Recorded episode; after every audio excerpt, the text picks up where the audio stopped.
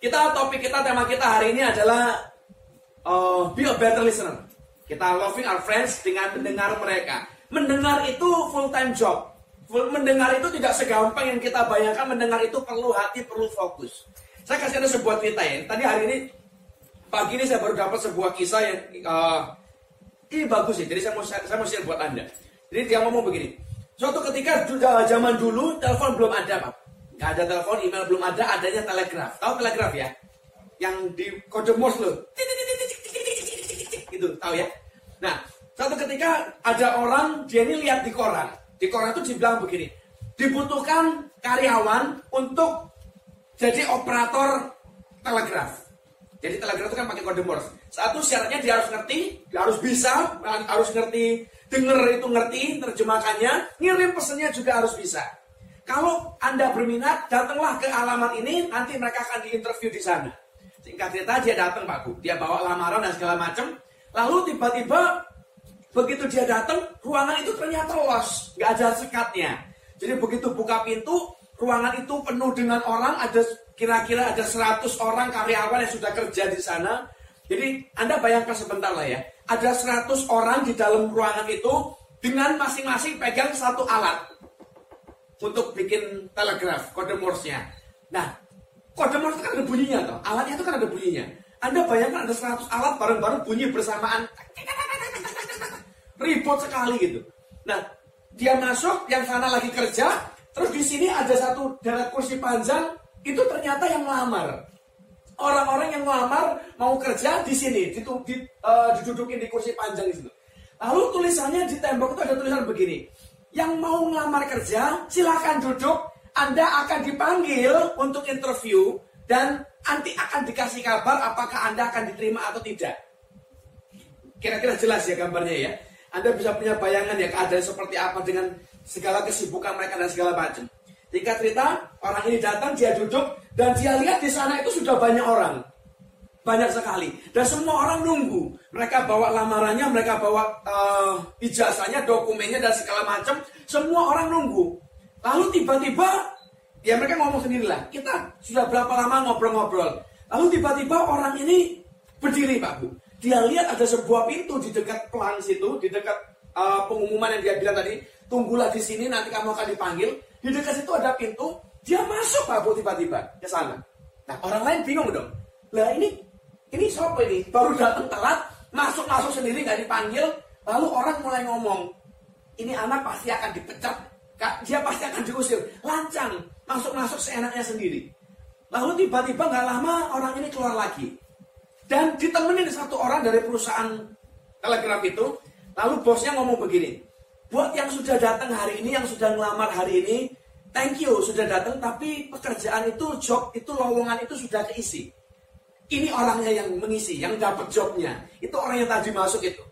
Lalu orang mulai protes. Loh, kok bisa dia yang datang? Eh, kok bisa dia dapat? Orang dia datang telat. Kita semua di sini duluan, kita bahkan belum dapat kesempatan interview, kita belum dapat apa-apa, belum dapat panggilan. Kok tiba-tiba sudah dipilih? Dari mana? It's not fair. Gak adil. Lalu si bos itu ngomong begini. Dari tadi sejak kamu datang pertama, kita sudah kasih pemberitahuan lewat kode Morse yang sama. Jadi ada 100 orang lagi ngirim yang lain, tapi dia juga ngirim pesan juga buat mereka yang di sini. Cuman karena suaranya kecampur-campur dengan mesin yang lain, mereka tidak tidak pay attention. Padahal dia ngomong dari tadi ku ketik pesan itu, saya bilang pesan itu bunyi kayak kira begini. Yang mau dapat kerja, masuk di pintu itu dan kerjaan itu milikmu. Dikirim berulang kali, berulang kali, tapi nggak ada yang notice, nggak ada yang sadar. Karena terlalu sibuk, terlalu banyak suara, kita nggak fokus. Nah, orang ini uh, si pelamar terakhir, dia duduk datang dan dia dengerin, loh, ada pemberitahuan. Suruh masuk, ya dia masuk. Dan kerja itu milik dia. Kita dalam hidup ini kadang-kadang ngerti untuk denger itu ngerti, tapi untuk listen kita hear, tapi we not listening. Kita perlu dengar untuk dengar orang ngomong, untuk dengar keadaan, untuk mengerti, kita perlu fokus, perlu tenaga. Hari ini, ini tadi sebelum ke sini, saya lagi ngisi bensin. Hampir terjebak aku ini. Ada mbak-mbak jahat di tempat pom bensin ternyata. Jadi ku ceritakan dulu keadaannya ya. Hari ini saya, saya tadi naik mobil box. Jadi bukan mobil indah, bukan mobil sedan. Ini mobil jelek lah ceritanya. Lalu bensinnya habis, ngisilah saya ke sana. Kalau Anda pakai mobil box, tahu mobil box ya? Yang buat nyulik orang itu biasanya. Kalau Anda naik mobil box, disuruh isi bensin, kira-kira Anda isi bensin yang apa? Pertamax Turbo, Pertamax, Pertalite, Premium kalau ada, atau yang paling rendah atau paling mahal? Box ini. Rendah toh? Aku juga. Ah, saya ini antri pak. Udah aku, saya ini pikirannya saya akan pilih yang paling murah karena mobilnya box, bukan mobil bagus.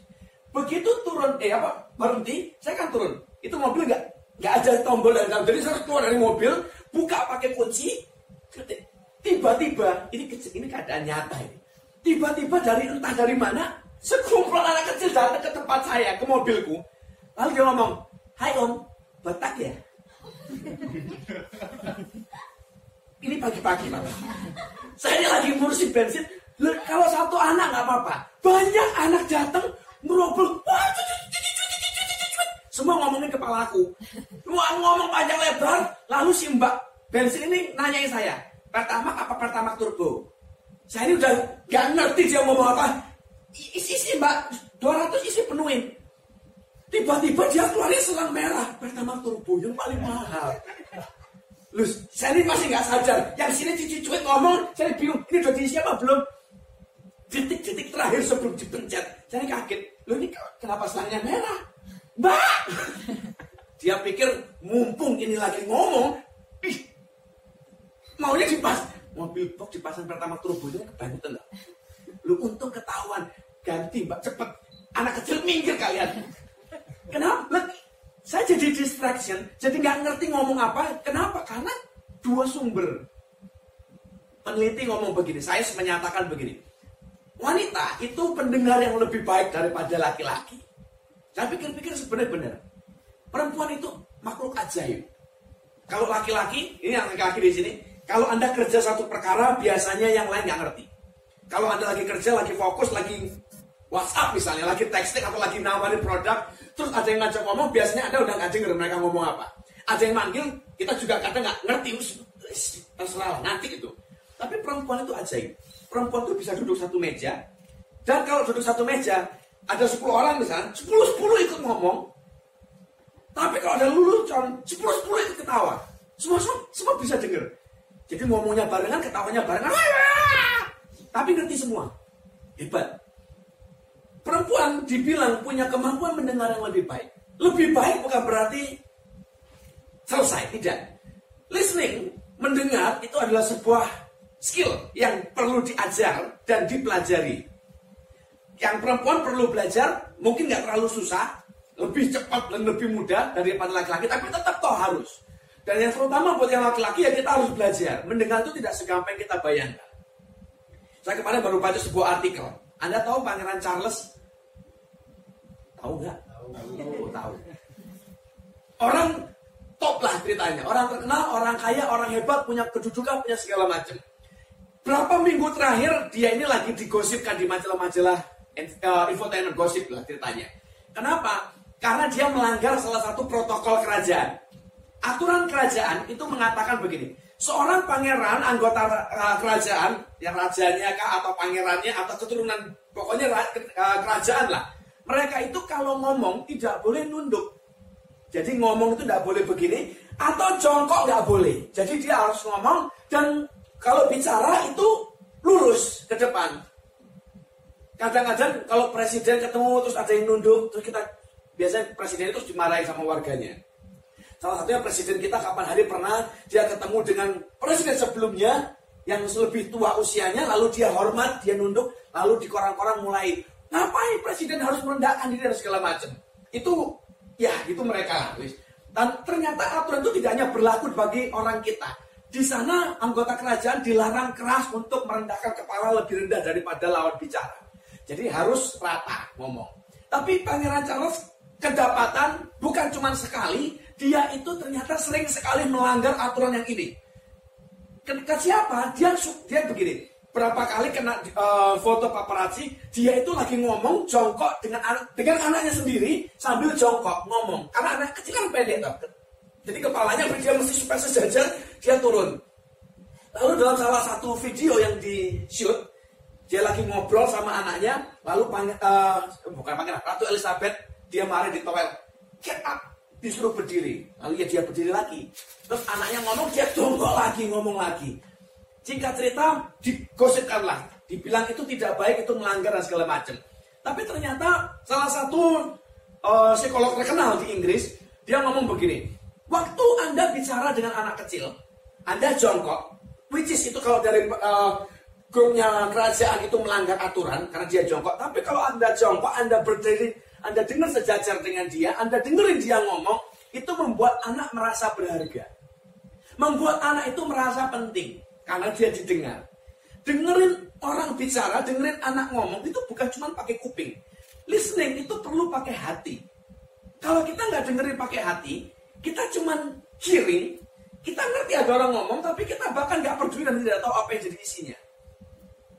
Tadi pagi saya baru dikirimi satu orang, satu teman.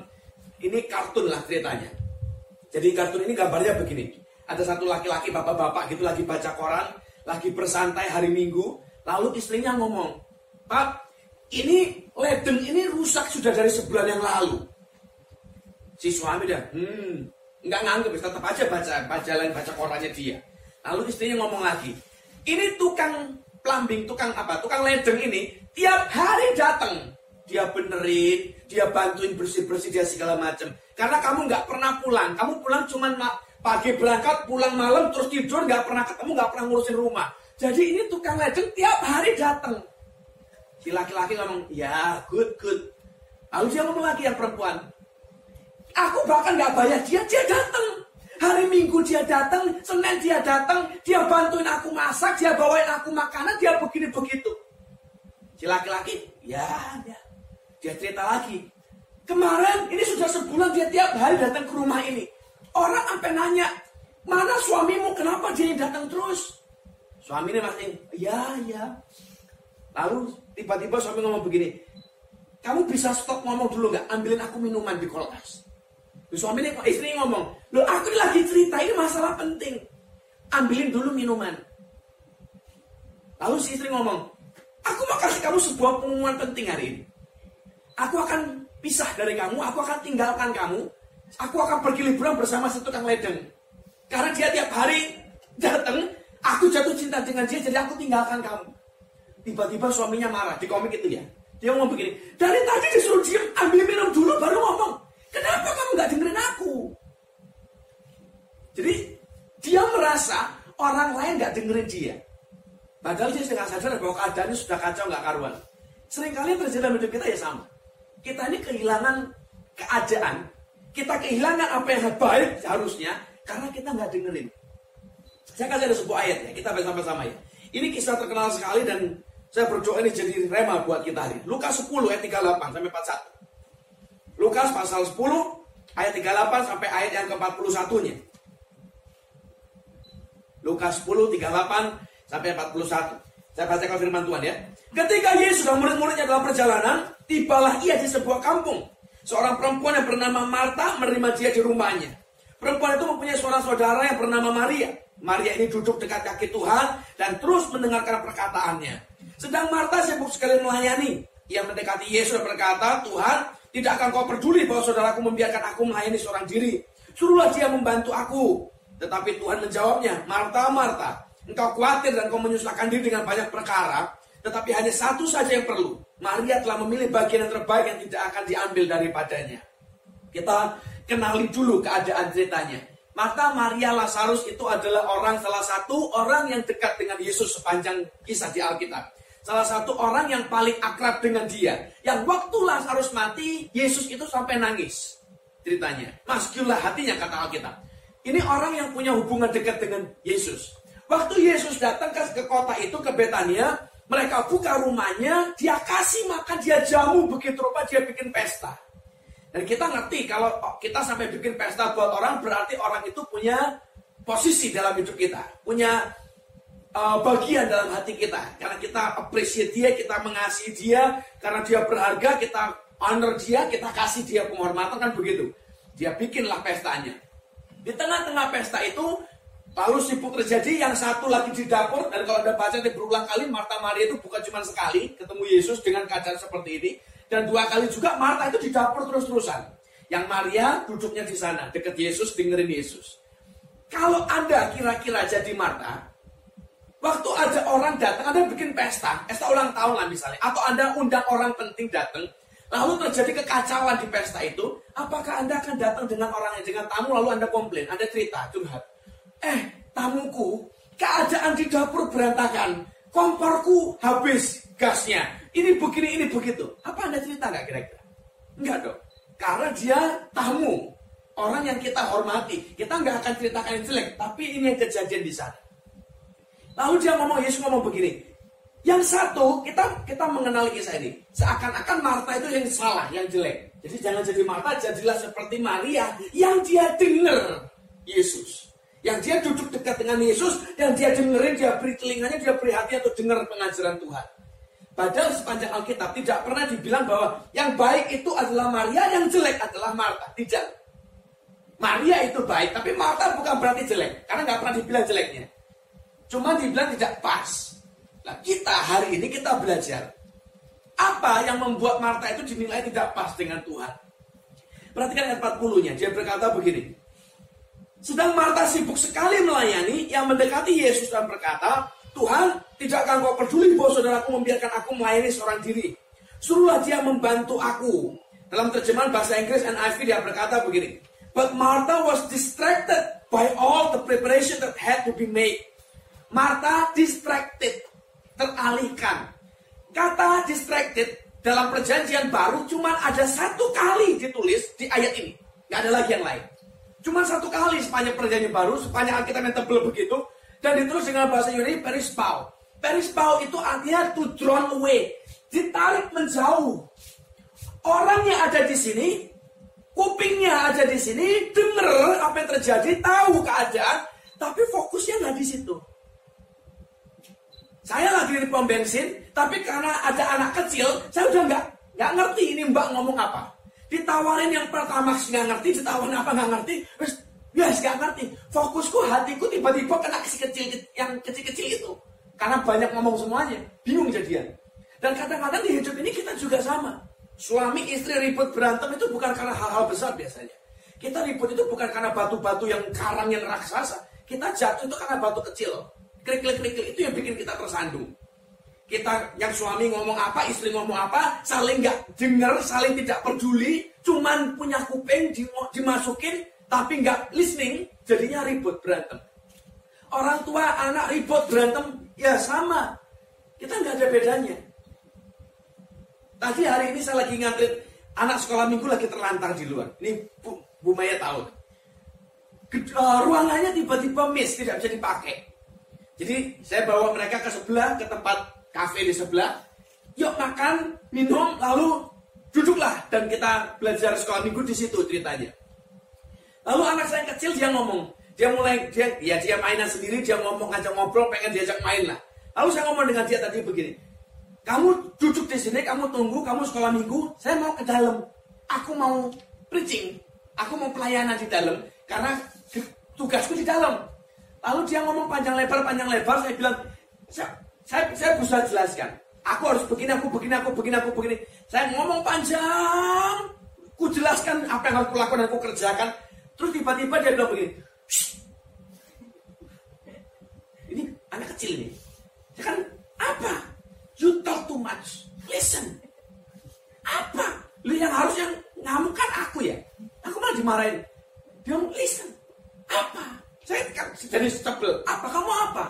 Dia bilang, I just want to be kiss. Aku pengen dicium. Terus kamu boleh pergi.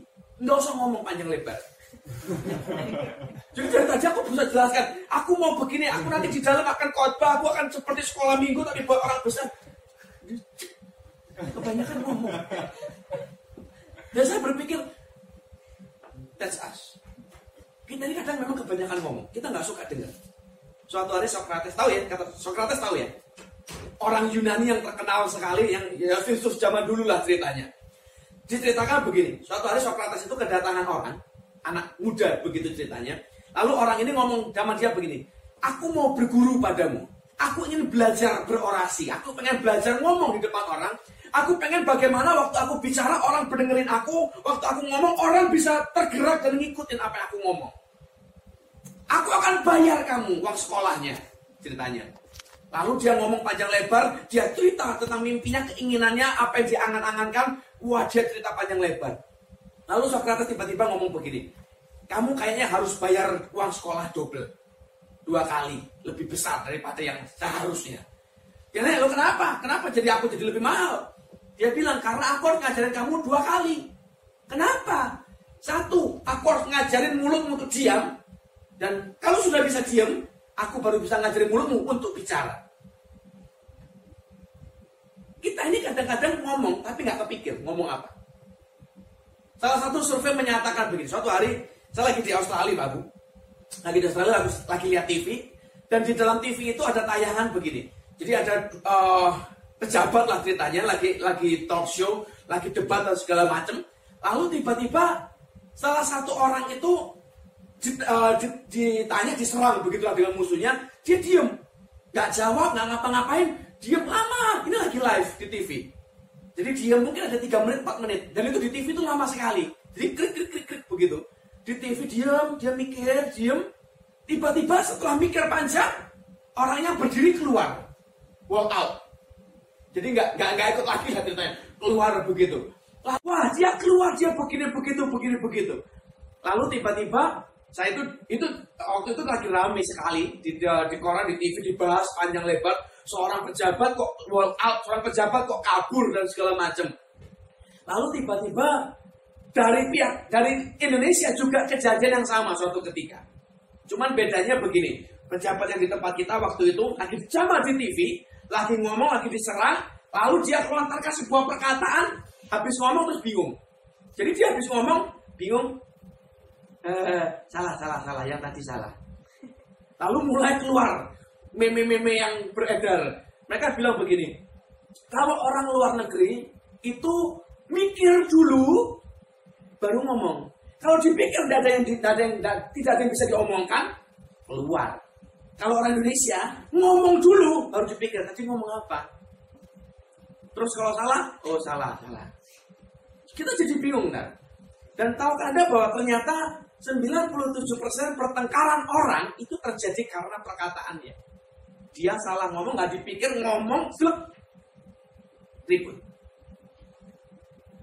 Yang sudah menikah, Coba pikir baik-baik. Terakhir kali berantem kapan? Kenapa? Saya menyadari ya, makin saya makin lama menikah, saya mulai menyadari begini bahwa ternyata pertengkaran-pertengkaran yang terjadi dalam keluargaku itu ternyata bukan perkara-perkara penting. Yang kecil-kecil, yang nggak penting, yang tidak tidak esensi bahkan yang kita ributin. Makanan, ntar keasinan, ntar nggak enak, ntar gosong, ya nggak karu-karuan ribut. Tapi yang penting kita kadang nggak kita nggak pusingin. Yang masalah besar kita kecilin, yang kecil digedein. Kenapa? Karena masalah dengan mulut dan kuping. Kita distracted, ngobrol sama istri, tapi hatinya nggak di situ, ribut. Ngomong, dengerin orang ngomong itu adalah full time job. Kita perlu hati, dengar. Kalau kita mengasihi orang, harta terbesar yang kita bisa beri buat orang itu waktu. Bukan uang. Jadi jangan salah. Kita jangan jadi orang tua yang, aku kerja buat kamu karena aku sayang kamu. Anak kecil itu tidak pernah minta uang. Anak kecil itu mintanya waktu. Minta ditemenin, minta didengar, minta dihargai. Bapaknya ada, ibunya ada, selesai. Kalau uang kita kasih, itu tidak berharga. Kenapa? Karena uang yang hilang, kita beliin dia barang, kita masih bisa dapat balik kok. Kita masih bisa cari lagi kok. Tapi sekali waktu itu hilang, hari ini aku beri waktu buat anakku seharian, sekali hari minggu ini hilang, dia akan balik lagi. Waktu nggak bisa diputar. Makanya orang bilang tak bisa money. Betul. Waktu itu berharga. Dan untuk dengerin orang ngomong, itu perlu waktu. Suatu hari saya pernah ketemu dengan satu orang konseling, ibu-ibu. Ini pengalaman tak terlupakan. Jadi dia lagi datang, kami duduk di kursi bakso, tahu ya? Kursi yang kotak plastik itu nggak ada sandarannya. Jadi duduk di situ ngobrol. Lalu saya tanya, ibu kenapa? Saya pikir itu akan dia cerita, kita berdoa selesai bubar. Ternyata tidak.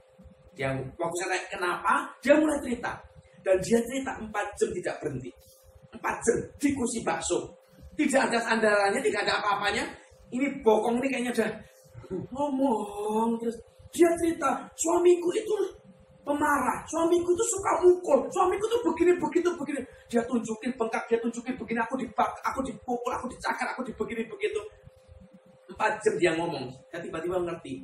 Makanya digebukin nih orang lah ngomong kan nggak berhenti lagi gimana nggak diajar nah ke Mas Bobi kita ini kadang mudah ngomong pengen didengar tapi kita nggak mau dengar One expression of love itu adalah listening. Saya berdoa kita belajar yuk. Kita dengar firman jangan cuma dengar lalu pulang selesai. Kita dengar firman, kita belajar mengubah hidup menjadi seperti firman. Jadi kayak Yesus. Pulang, ayo belajar untuk listening. Dengerin orang ngomong. Dengar orang ngomong itu tidak gampang, tapi harus. Kalau Anda bisa dengar orang ngomong, Anda akan punya sesuatu yang berharga. Dale Carnegie ngomong begini. Dengan 20 menit Anda mendengar, Anda bisa dapat seorang sahabat baru. Daripada dua tahun Anda berjuang supaya orang menyukaimu. Kita kalau ngomong panjang lebar, wah aku begini, aku begitu, kita cerita diri kita, orang tidak peduli kok. Orang nggak, wah hebat, nggak juga sebenarnya. Tapi waktu Anda bisa diem 2 menit aja, atau 20 menit aja, Anda diem, biar dia cerita, kita dengerin dia, Anda dapat hatinya. Tidak ada orang yang tidak senang didengar. Kita pun kebutuhan kita manusia yang terutama itu adalah untuk didengar. Ada lagu zaman dulu bilang wanita ingin dimengerti. Intinya kan pengen, ya kamu ngerti dong perasaan hatiku, keadaanku dan segala macam. Dengerin aku. Ini kejadian baru kemarin. Kemarin ini, satu hari kemarin, Sabtu kemarin. Karya salah satu karyawanku tiba-tiba pagi ini siang-siang nih, dia ngomong begini, Pak, saya izin pamit ya. Yo kenapa? Istri saya minggat. Kabur. Yo kok bisa? Dia tunjukin WhatsApp-nya. Lalu di uh, percakapan dia dengan istrinya sebelum kejadian itu. Lalu saya baca, kira-kira istrinya ngomong begini. Kamu nggak pernah nanya keadaanku. Kamu nggak pernah nanya aku perlu apa, perasaanku apa, bagaimana apa. Kamu nggak, kamu nggak nanya. Lalu suaminya ngomong, lah aku tiap hari pulang kamu juga nggak cerita. Kamu perlu apa? Aku penuhi kebutuhanmu. Kamu perlu aku bayarin. Semua aku penuhi. Apalagi yang kurang? Dan dia ngomong, aku maunya kamu nanya. Yang lagi bilang, kamu gak ngomong. Ribut. Berantem, lalu tiba-tiba yang istri ngomong begini, aku pergi dari rumah, HP ku tinggal. Bener. Saya bilang, kamu gak usah kerja, pulanglah berangkat cari istri. Malam-malam dia kabar, iya pak, cuman HP-nya doang di rumah, orangnya tidak ada. Lah terus ke mana? Pulang ke rumah orang tuanya. Anak ditinggal. Jadi dia pulang rumah di dalam rumah tinggal ada anak berapa ada berapa orang gitu anaknya. Wes gak karuan, harus gak mandi, gak makan, guys. Berantakan. Intinya apa? Karena dia merasa tidak didengar. Yang laki-laki merasa, lah kalau kamu ngomong ngomong dong, jangan diem aja. Emang kita dukun. Wanita ingin dimengerti, laki-laki jadi dukun sakti yang harus ngerti tiba-tiba. Nggak ngomong dong. Ya dua-dua nggak ada yang salah. Yang, laki-laki saya pikir ya betul. Lalu dia nggak ngomong ya, ya kita anggap dia ya baik-baik saja. Aku juga begitu. Istriku nggak ngomong, ya sudah. Tapi yang istri ya, ya nggak salah juga. Aku ingin didengar ditanya. Ya sebenarnya kan gampang, tinggal ngomong. Kamu nanya dong kabarku. Kalau istri nanya, kok nggak nanya aku? Aku tanya aja, Hai, apa kabar? Lah kalau dia nggak nanya, ya aku ngapain nanya? Kan Kira-kira begitu. Masing-masing punya argumennya sendiri dan dua-duanya benar. Masalah cuma satu, komunikasinya nggak pas. Jadi jangan distracted. Hidup ini akan banyak sekali distraction. Tagihan itu distraction. Anak bisa jadi distraction. Kerjaan bisa jadi distraction. Cita-citamu distraction. Mimpimu jadi distraction. Kita hidup itu kadang-kadang hidup di masa lalu. Wah, dulu aku bisa begini, aku bisa begitu. Kenapa sekarang jadi begini? Dulu aku punya begini begitu, aku punya wah kita punya prestasi kah atau apa. Kita kadang bisa tertarik kembali ke masa lalu. Padahal hidup zaman sekarang, tapi Mimpinya zaman dulu terus. Atau kita kayak Star Wars di depan terus. Wah nanti aku akan begini, aku akan beli rumah, aku akan begitu, aku akan begini. Nanti, yang sekarang ini loh hidup. Kemarin saya lihat satu film bagus sekali Pak. Dia itu ceritanya lagi kerja, lagi mau dapat promosi ceritanya dari kantor. Dia mau diangkat, mau dapat kenaikan jabatan, kenaikan gaji dan segala macam. Syaratnya tapi satu. Dia harus rapat, dia harus presentasi di hadapan semua pemilik perusahaan, jelaskan proyek dia yang terbaru, kalau goal naik jabatan, naik promosi, naik gaji, naik segala macam, fasilitas semua ngikutin, rumah dapat, mobil dapat. Tapi masalahnya adalah hari H rapat itu adalah hari ulang tahun anaknya. Dan dia sudah janji dengan anaknya dari sejak berapa bulan yang lalu, waktu kamu ulang tahun, kita akan pergi ke satu tempat uh, liburan begitu kan. Kita akan begini, kita akan begitu, kita akan begini begitu. Jadi anak ini selama sekian bulan itu dia udah prepare sekali. Dia udah beli baju, dia udah beli begini, dia udah pada hari H bapaknya dihadapkan dengan sebuah pilihan. Mau berangkat liburan seperti yang dia janjikan dan kehilangan semua promosi atau dia dapat promosi tapi kehilangan anaknya. Kalau Anda pilih yang mana? Kita kan harus milih. Lalu dalam film itu diceritakan malam-malam dia ngomong konsultasi sama istrinya. Dia ngomong, aku memilih untuk rapat. Kamu pergilah dengan anak ini, aku akan pergi kerja. Karena aku berjuang supaya kamu dapat kehidupan yang lebih baik.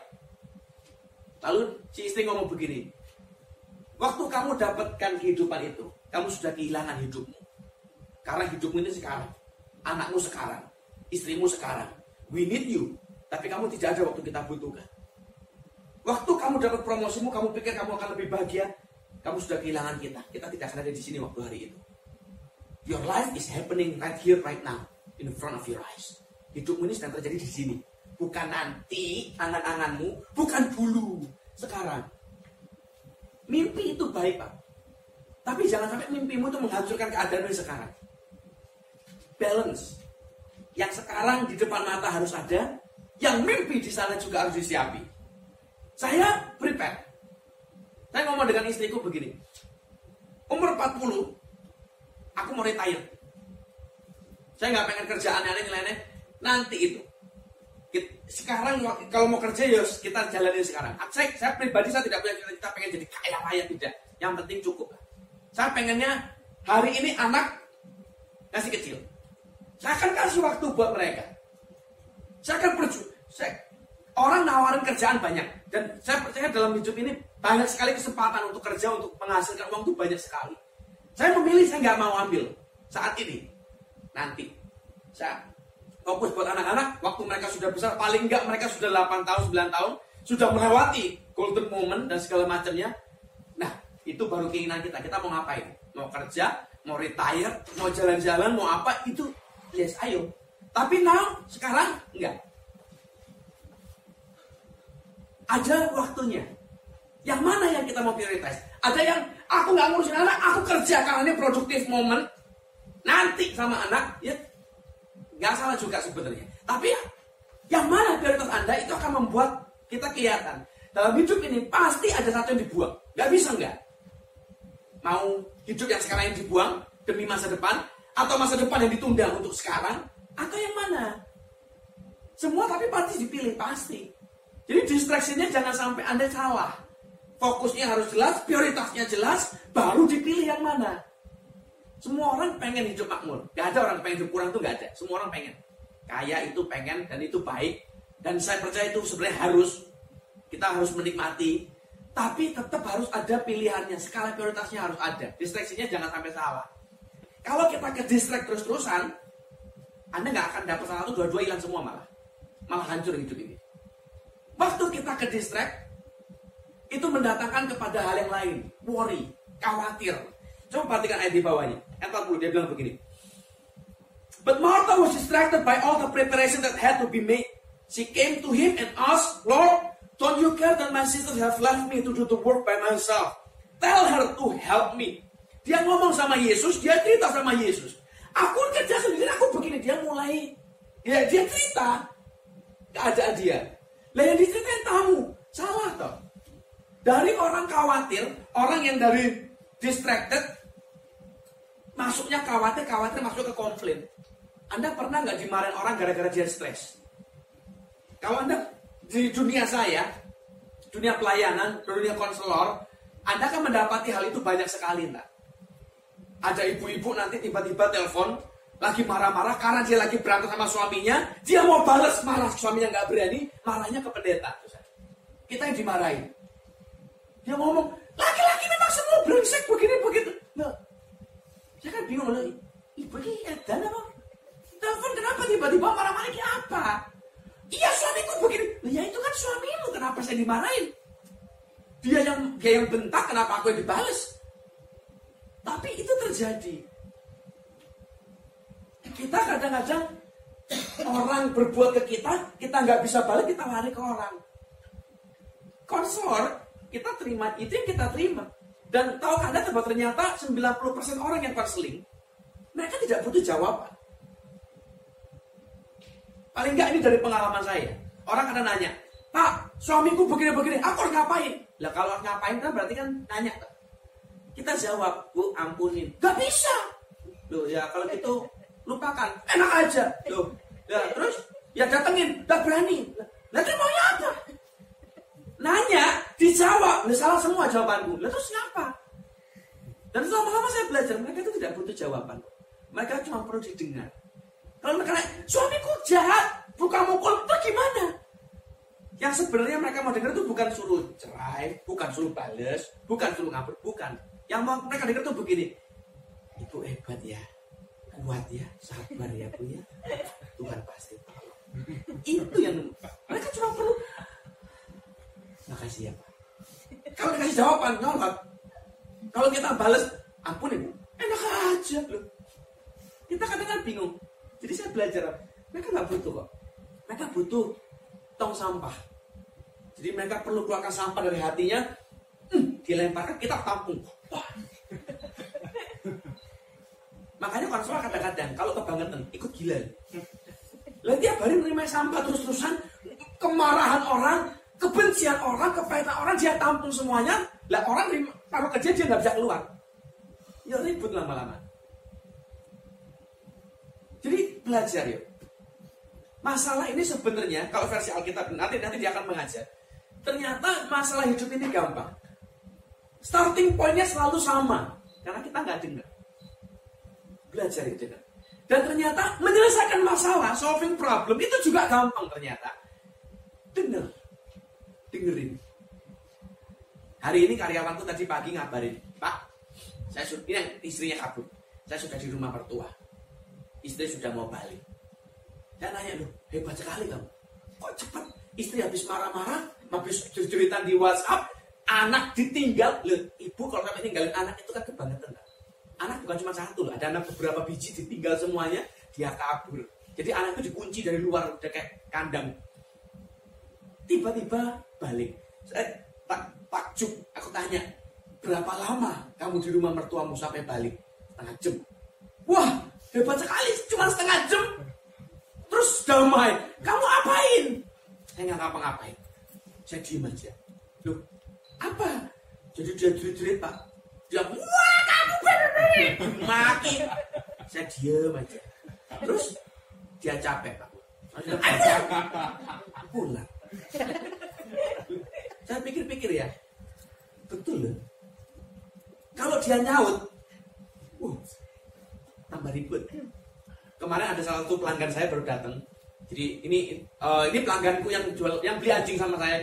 Dia ngomong begini, Pak, di tempat saya ada insiden di perumahan di komplek rumah saya. Kenapa?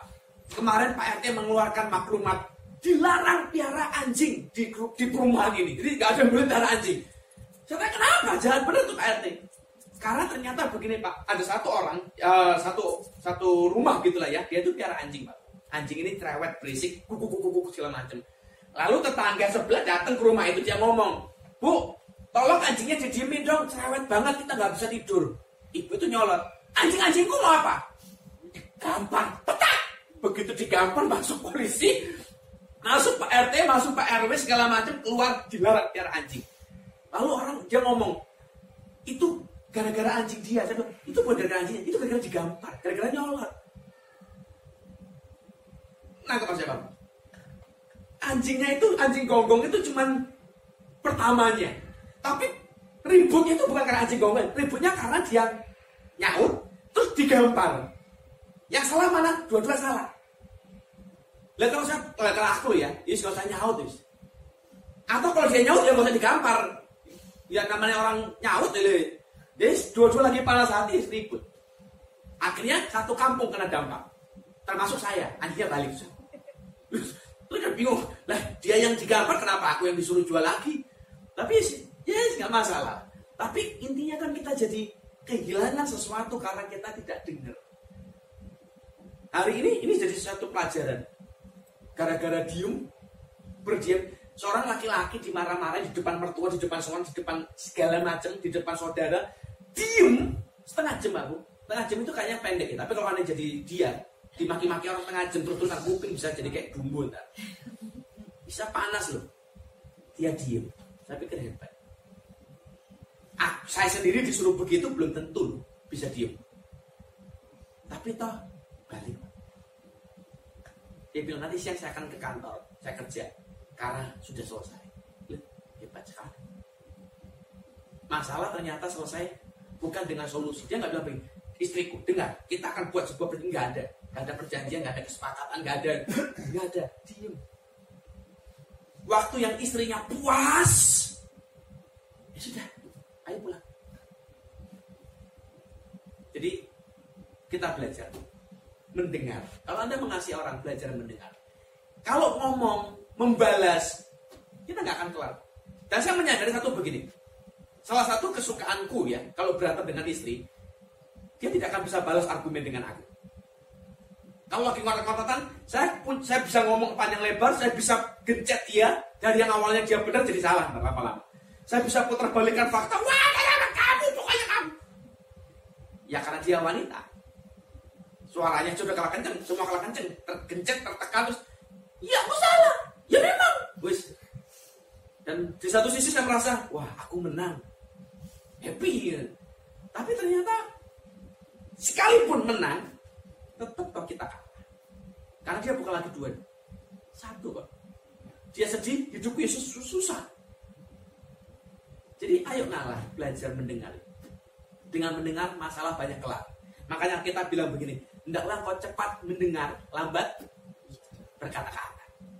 Jadi jangan banyak ngomong. Banyak ngomong itu, kalau kita ngomong dalam banyak bicara banyak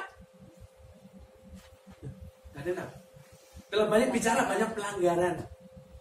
Jadi jangan banyak ngomong, kita belajar denger yuk. Jadi cuk puasa bicara. Dengerin kuping. Jangan suka nyeletuk. Lambe turah. Lambe lisa jangan suka nyeletuk, jangan suka wah keluar tut, tut, tut. Diem belajar dengar waktu kita belajar dengar hidup itu jauh lebih baik jauh lebih indah. Dan saya percaya itu salah satu ciri Kristus. Kita anda nggak akan pernah lihat Yesus ngomong panjang lebar dari pagi sampai malam nggak ada. Yesus ngomong dengarlah. Dengarlah suara bapamu dengarlah dengarlah dan dengarlah. Waktu Yesus dibaptis yang ngomong ini anakku kasih dengarkanlah dia. Nggak disuruh ngomong, suruh denger. Jadi kita belajar. Ayat terakhir, kalau dibuka, saya baca aja. Amsal ngomong begini. Orang yang berkata-kata tepat pada waktunya, itu seperti apel perak, eh apel emas di atas pinggan perak, di atas piring perak. Orang yang berkata-kata tepat pada waktunya, itu berharga. Tapi orang kalau kebanyakan ngomong, jadi nggak karuan. Suatu hari, uh, ini kisah nyata Pak Bu.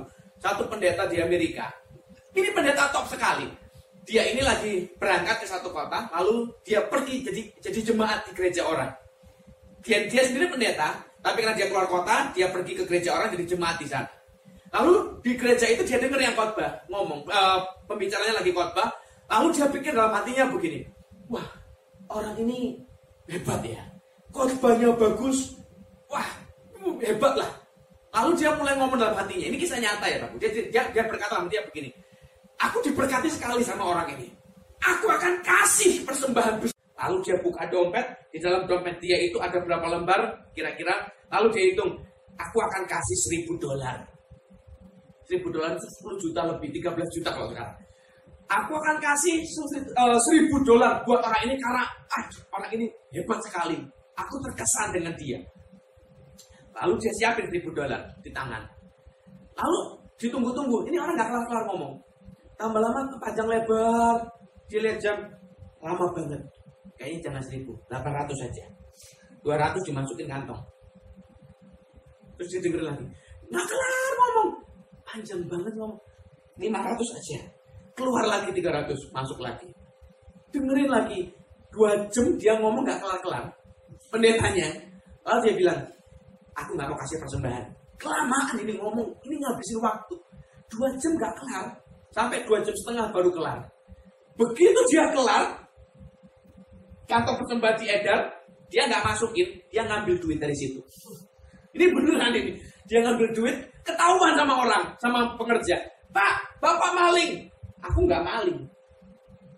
Tapi dia menghabiskan waktu dia harus bayar. Dari aku ngasih seribu sampai jadi mahal sampai aku mau ngambil kayaknya sekarang. Ini ini kisah nyata. Dia kenal dengan gembala gereja karena dia juga pendeta. Singkat cerita dibawa ya dia ngomong dia cerita. Ya, itu buat uh, menurut dia itu caranya dia untuk menegur lah ceritanya. Ya duitnya nggak diambil memang, dia dibalikin. Tapi lepas dari kontroversinya, kita belajar sebuah nilai. Dari yang awalnya nilainya seribu, kebanyakan ngomong jadi nol. Jadi biar kita belajar yang sama yuk. Jangan banyak ngomong, sekali ngomong perkataan kita itu mahal, berharga. Banyak dengar. Jadi jangan distract. Kalau Anda ngomong sama orang, HP ditaruh, semua ditaruh, hati dikasih. Dengerin ngomong. Orang ngomong gak akan panjang lah. Anda bisa ngerti kok apa yang terjadi. Beri hati, beri waktu, beri telinga, hidup kita lebih baik. Saya percaya kalau kita belajar dengar, presentasi pertengkaran kita pasti turun. Pasti. Drama-drama dalam hidup ini juga pasti turun. Jadi, yuk kita belajar. Loving your friend, loving your family, loving your spouse with listening.